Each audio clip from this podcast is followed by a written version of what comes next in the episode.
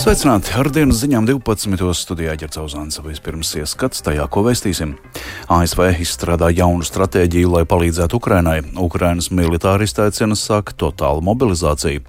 Starp Rīgas lidostu un galvaspilsētas centru jau drīzumā varētu sākt kursēt ekspresbusi. Pasažieru pārvadātajā asociācija bažīga. Latvijas sportisti ar cerībām starta Eiropas čempionātā Biatlonā un arī Vācijā kamaniņu braucēju lūkos turpināt veiksmīgi sākto pasaules čempionātu. Par šiem un citiem tematiem turpinājumā plašāk.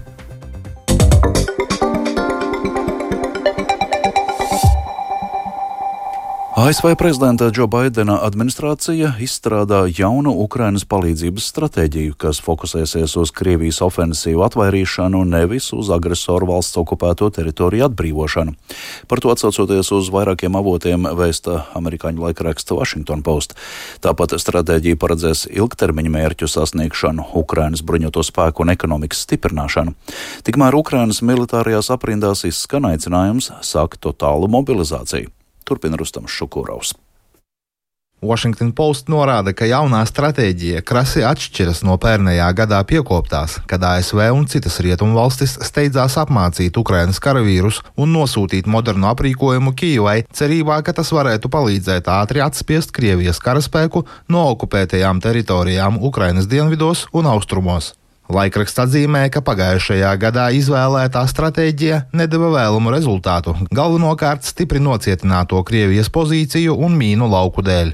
Savukārt kāda vārdā nenosaukta augsta ranga ASV amatpersona sacīja laikrakstam, ka ir pilnīgi skaidrs, ka Ukrainai būs grūti īstenot tādu pašu ofensīvu gar frontes līniju, kādu tā mēģināja veikt pagājušajā gadā. Saskaņā ar laikraksta avota teikto, stratēģija, ko izstrādā Džo Baidena administrācija, koncentrējas uz Ukrainas pašreizējo pozīciju saglabāšanas, lai tā varētu virzīties citā trajektorijā un kļūtu daudz spēcīgāka līdz 2024. gada beigām. ASV plāni ir daļa no gandrīz 30 valstu centieniem sniegt ilgtermiņa drošības un ekonomisko atbalstu Ukrainai. Laikraksts norāda, ka ASV un Francija izstrādā drošības sadarbības līgumus ar Ukrainu nākamajam desmit gadu periodam. Iepriekš līdzīga rakstura dokumentu ar Ukrainu parakstīja Lielbritānija. Tomēr šīs stratēģijas panākumi gandrīz pilnībā ir atkarīgi no ASV, kas ir lielākā finanšu līdzekļu un militārā aprīkojuma donore, kā arī starptautiskās palīdzības koordinātore. Baidena administrācija cer šo pavasaru nākt klajā ar savu saistību dokumentu ar nosacījumu, ka ASV kongress apstiprinās Baltā nama pieprasījumu piešķirt Ukrainai papildu finansējumu 61 miljārda dolāru apmērā. Saskaņā ar ASV amatpersonu teikto, dokuments garantēs atbalstu īslaicīgu militāro operāciju īstenošanai, kā arī tādu nākotnes Ukrainas bruņoto spēku attīstību, kas spēs atturēt Krievijas agresiju. Tas ietvers konkrētas saistības un programmas, kas palīdzēs aizsargāt, atjaunot un paplašināt Ukrainas industriālo un eksporta bāzi, kā arī veicinās politiskās reformas, kas nepieciešamas pilnīgai Ukrainas integrācijai rietumu institūcijās. Tikmēr Ukrainas militārajās aprindās aktīvi apspriež dažādus mobilizācijas pastiprināšanas pasākumus. Ukrainas bruņoto spēku pārstāvis pulkveža leitnants Mihailo Nikolovs paudis viedokli, ka Ukrainai nepieciešama totāla 18 gadu vecumu sasniegušo vīriešu un sieviešu mobilizācija, kā arī ieslodzīto iesaistīšana kara darbībā. Nav runa par visaptverošu ieslodzīto mobilizāciju. Mēs runājam par to ieslodzījumā esošo cilvēku daļu, kas dod brīvprātīgu piekrišanu, kas vēlas to darīt, cīnīties.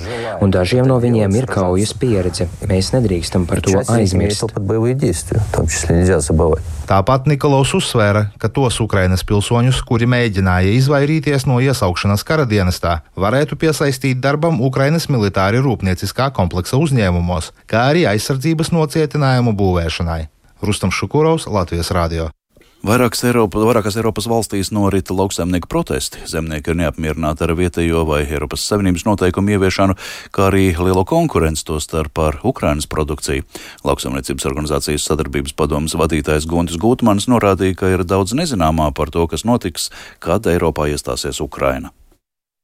Ukraina ir milzīgs lauksaimniecības ražotājs. To mēs zinām jau vēsturiski. Ukrainā ir nu, labākā melnzeme, kāda ir Eiropā. Kaut vai par graudu tirgu runājot, nu, Ukrainā vienkārši graudaugus saražot iznāk lētāk. Pašizmaksa ir daudz zemāka.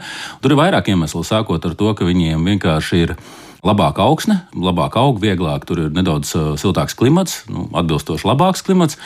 Tajā brīdī, kad uh, Ukraina iestāsies Eiropas Savienībā, protams, būs citi jautājumi, kas nu, arī tas process virzībā uz Eiropas Savienību būs sarežģīts un ne tik vienkārši, kā mums šķiet. Jo Eiropā ir kopējā lauksaimniecības politika, nu, kas tādā izskatā, kā viņi ir šobrīd, ar Ukrainu vienkārši nestrādās. Jo mums ir pilnīgi citi nosacījumi, kas nav šobrīd Ukrainā.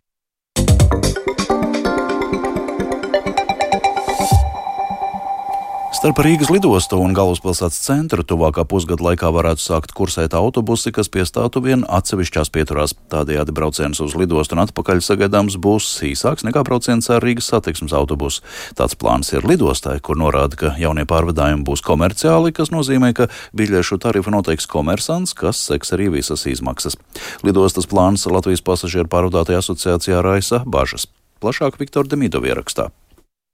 Interesi veikt pārvadājumus starp Rīgas lidostu un galvaspilsētas centru izrādīs viens komersants, ar kuru notiek pārunas. Tā informē lidostā, sakot, ka braucienus pārvadātājs varētu veikt reizi stundā vai reizi divās stundās. Ja viss noritēs pēc plāna, šādu satiksmi varētu atklāt vasaras sākumā, turpina lidostas pārstāve Ilze Salna. Mēs zinām, ka 22. autobuss, ko organizē Rīgas satiksmē, ir ar ļoti daudzām pieturām, e, es pieņemu, ka šajā gadījumā pieturu varētu būt mazāk, bet atkarībā no tā, kāds būs precīzais maršruts, tad e, gaidīsim arī pārvadātāja piedāvājumu, kā viņš redz šo maršrutu, kur tas varētu beigties Rīgas e, pusē. Nu, un tad gaidīsim, kāds tiešām šis risinājums būs. Kurš uzņēmums ir ieinteresēts veikt pārvadājumus, lidostā neatklāja. Pagaidām nesot zināms, kādi būs komersanta nodrošinātie autobusi.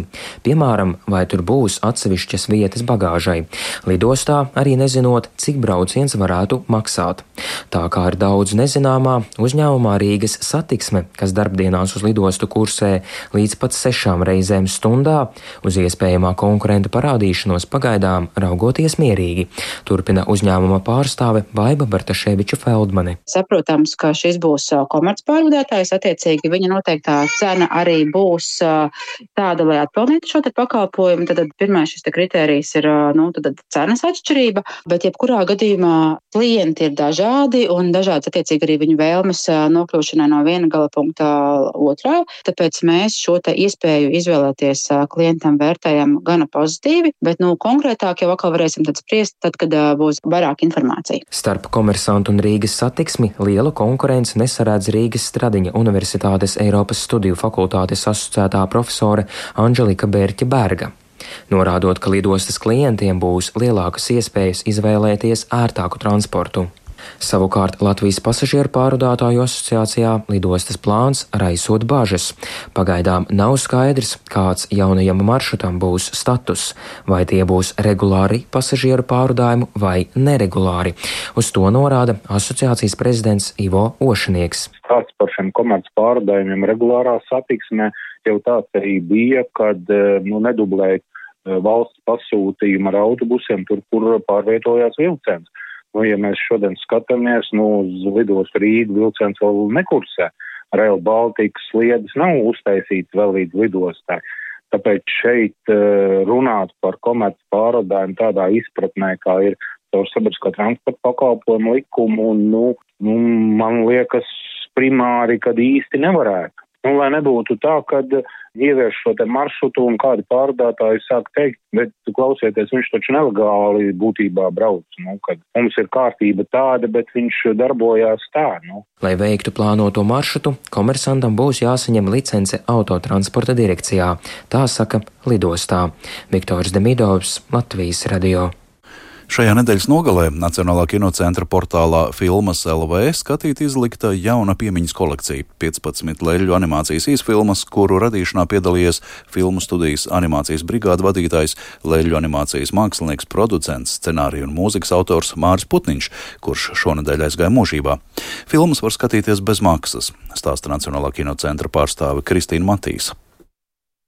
Māra Putniņa vadītās animācijas brigādes filmas Latvijā pazīst vismaz trīs, četras paudzes. Seriāls Avārijas brigāde, vai seriāls Munks un Lemijs 90. gados, vai seriāls Zvēri. Katrā no šiem cikliem ir bijušas daudzas spilgtas, interesantas filmas. Pa filmiņai ir arī šajā kolekcijā. Arī atsevišķas filmas, kas neietilpst nekādos ciklos un seriālos, bet ir ar Māra Putniņa scenārijiem un viņa producēti darbi. Filmu kolekcija skatāma visā Latvijā bez maksas, visur, kur vien pieejams internets. Un ziņu programmas noslēgumā vēl par sportu. Šodien turpinās Eiropas čempionāts Biatlonā ar latviešu sportistu dalību. Vācijā kamaniņu braucēju lūkos turpināt vakar veiksmīgi iesākto pasaules čempionātu.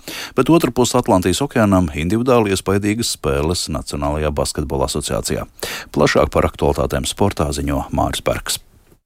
Vācijas trasē Altenburgā turpinās pasaules čempionāts kamaniņu braukšanā. Dienas pirmajās sacensībās sieviešu divniekiem Latvijas ekipāža Anna Upīte Zāne Kaluma tomēr nenosargāja līderpozīcijas pēc pirmā brauciena un divu braucienu summā viņas izcīnīja otro vietu. Vēl otrā brauciena vidū Latvijas ekipāžai bija pusotras sekundes desmitaļas pārsvars, taču trases beigās tas tomēr tika pazaudēts, lai arī rupju kļūdu mūsējām nebija.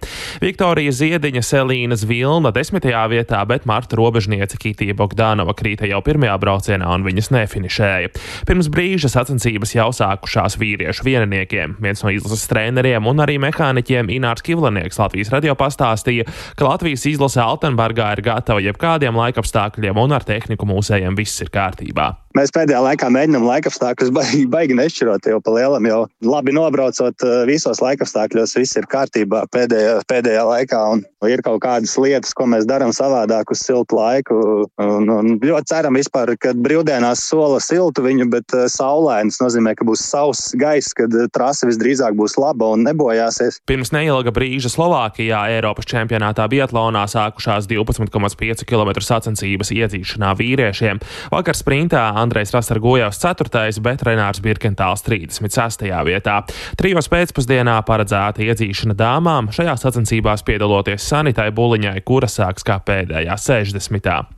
Nacionālajā basketbola asociācijā Dālasas Maveriks līderis Luka Dončičs šonakt izcēlās ar 73 punktiem, viņam labojot savas karjeras, kā arī Maveriks komandas rekordus gūtajos punktos, un tā ir arī individuāli rezultatīvākā spēle NBA šosezon. Maveriks ar 148, 143 pieveica Atlantas Hawks. 73 punkti vienā mačā ir dalīts ceturtais labākais sasniegums NBA vēsturē, bet 21. gadsimtā vairāk guvis tikai leģendārais Kobe Bryants, kurš 2006. gadā izcēlās ar 81 punktu.